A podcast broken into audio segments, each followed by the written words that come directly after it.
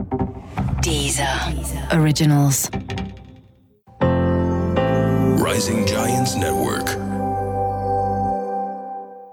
أهلا بكم في بودكاست الجريمة. حلقتنا اليوم بتناقش الجوانب النفسية للمجرمين بلال وسوزان مع الاختصاصية النفسية زميلتنا نانسي جديد. نانسي خلينا نبدأ بسؤال محير. تعودنا بالنسبة للقتل أنه مثلا شفنا قاتل مع عصابة، شفنا شقيقتين، هالمرة عندنا زوجين مجرمين. توافقهم يكون سبب في ارتباطهم أم أنه ربما بعد الارتباط أثر واحد منهم على الآخر عشان ينضم له في عقليته الإجرامية؟ نايف نظرا لقلة المعلومات بالنسبة لهالقصة المعلومات الشخصية عن المجرمين.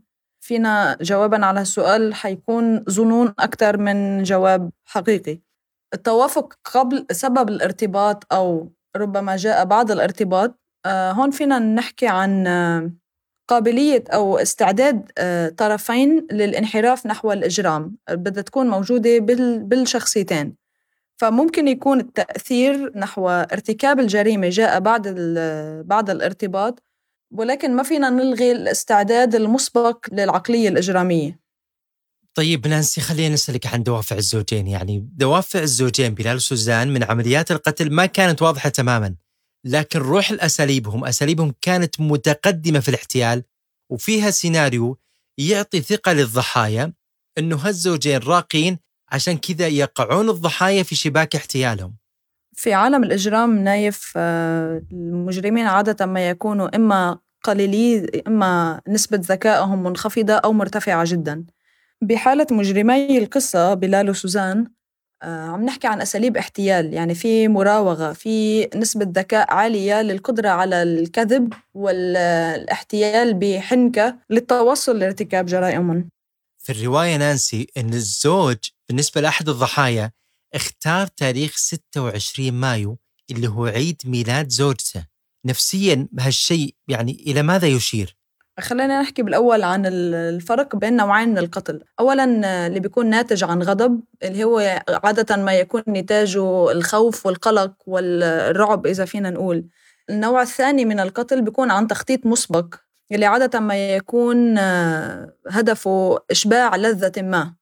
بحالة بطلي قصتنا عم نحكي عن قتل ناتج عن تخطيط مسبق ومحكم وخلق سيناريوهات متعددة ومتنوعة للنيل من جرائمهم فتحديد موعد معين بيعني شيء معين للشريك الشريك في الجريمة. هالشيء بيعني إنه في النزوات السادية موجودة في الشخصين. فارتكاب جريمة في عيد ميلاد الزوجة هالشيء بيعني إنه في توافق لدرجة كبيرة بين الزوجين. لكن ناس خليني أسألك عن اختلاف نوعية الضحايا من الأثرياء إلى بائعة الموز إلى أم مع طفلها هذا في شيء أمر غريب جدا بالنسبة لهالموضوع. اختلاف نوع الضحايا ممكن أنه يدل على سبب الانحراف نحو الإجرام. ما يكون حادث معين أو صدمة معينة تعرضوا لها في الطفولة أو في أي وقت سابق. هالشيء بدلنا أكثر على أنه في تركيبة شخصية غير غير سوية. مع ارتكاب أول جريمة عادة المجرم يتلقى نوع من النشوة اللي بيتعاطى المخدرات ممكن أن أن يصلى فهالشي بيدفعه لأنه يرتكب الجريمة الثانية والثالثة لنيل نفس درجة النشوة اللي آه، حصل عليها من أول جريمة. وأظن هيدي هي كانت حالة آه، بلال وسوزان اللي هي محاولة الوصول إلى نفس درجة اللذة وهذا ما دفعهم لأنه يرتكبوا جرائمهم اللاحقة. مجددا نانسي يعني سألتك في الحلقة السابقة عن موضوع أن القتلة المتسلسلين دائما ما يتركون أثر معين أو خط معين لتنفيذ الجريمة. هذا الأمر لم يلاحظ في الزوجين سوى في موضوع أنه القتل يكون بالطعن وهو التسلسل صار في كل الضحايا ما عدا ضحية واحدة. بطبيعة الحال في طرق متعددة لشخص إنه يرتكب جريمة غير الطعن بسلاح معين أو مثل حالة ريا وسكينة كانت بالخنق. هالشي ممكن يدلنا على التلذذ بالطعن والتلذذ برؤية دماء ضحاياهم وممارسة القوة المطلقة عليهم.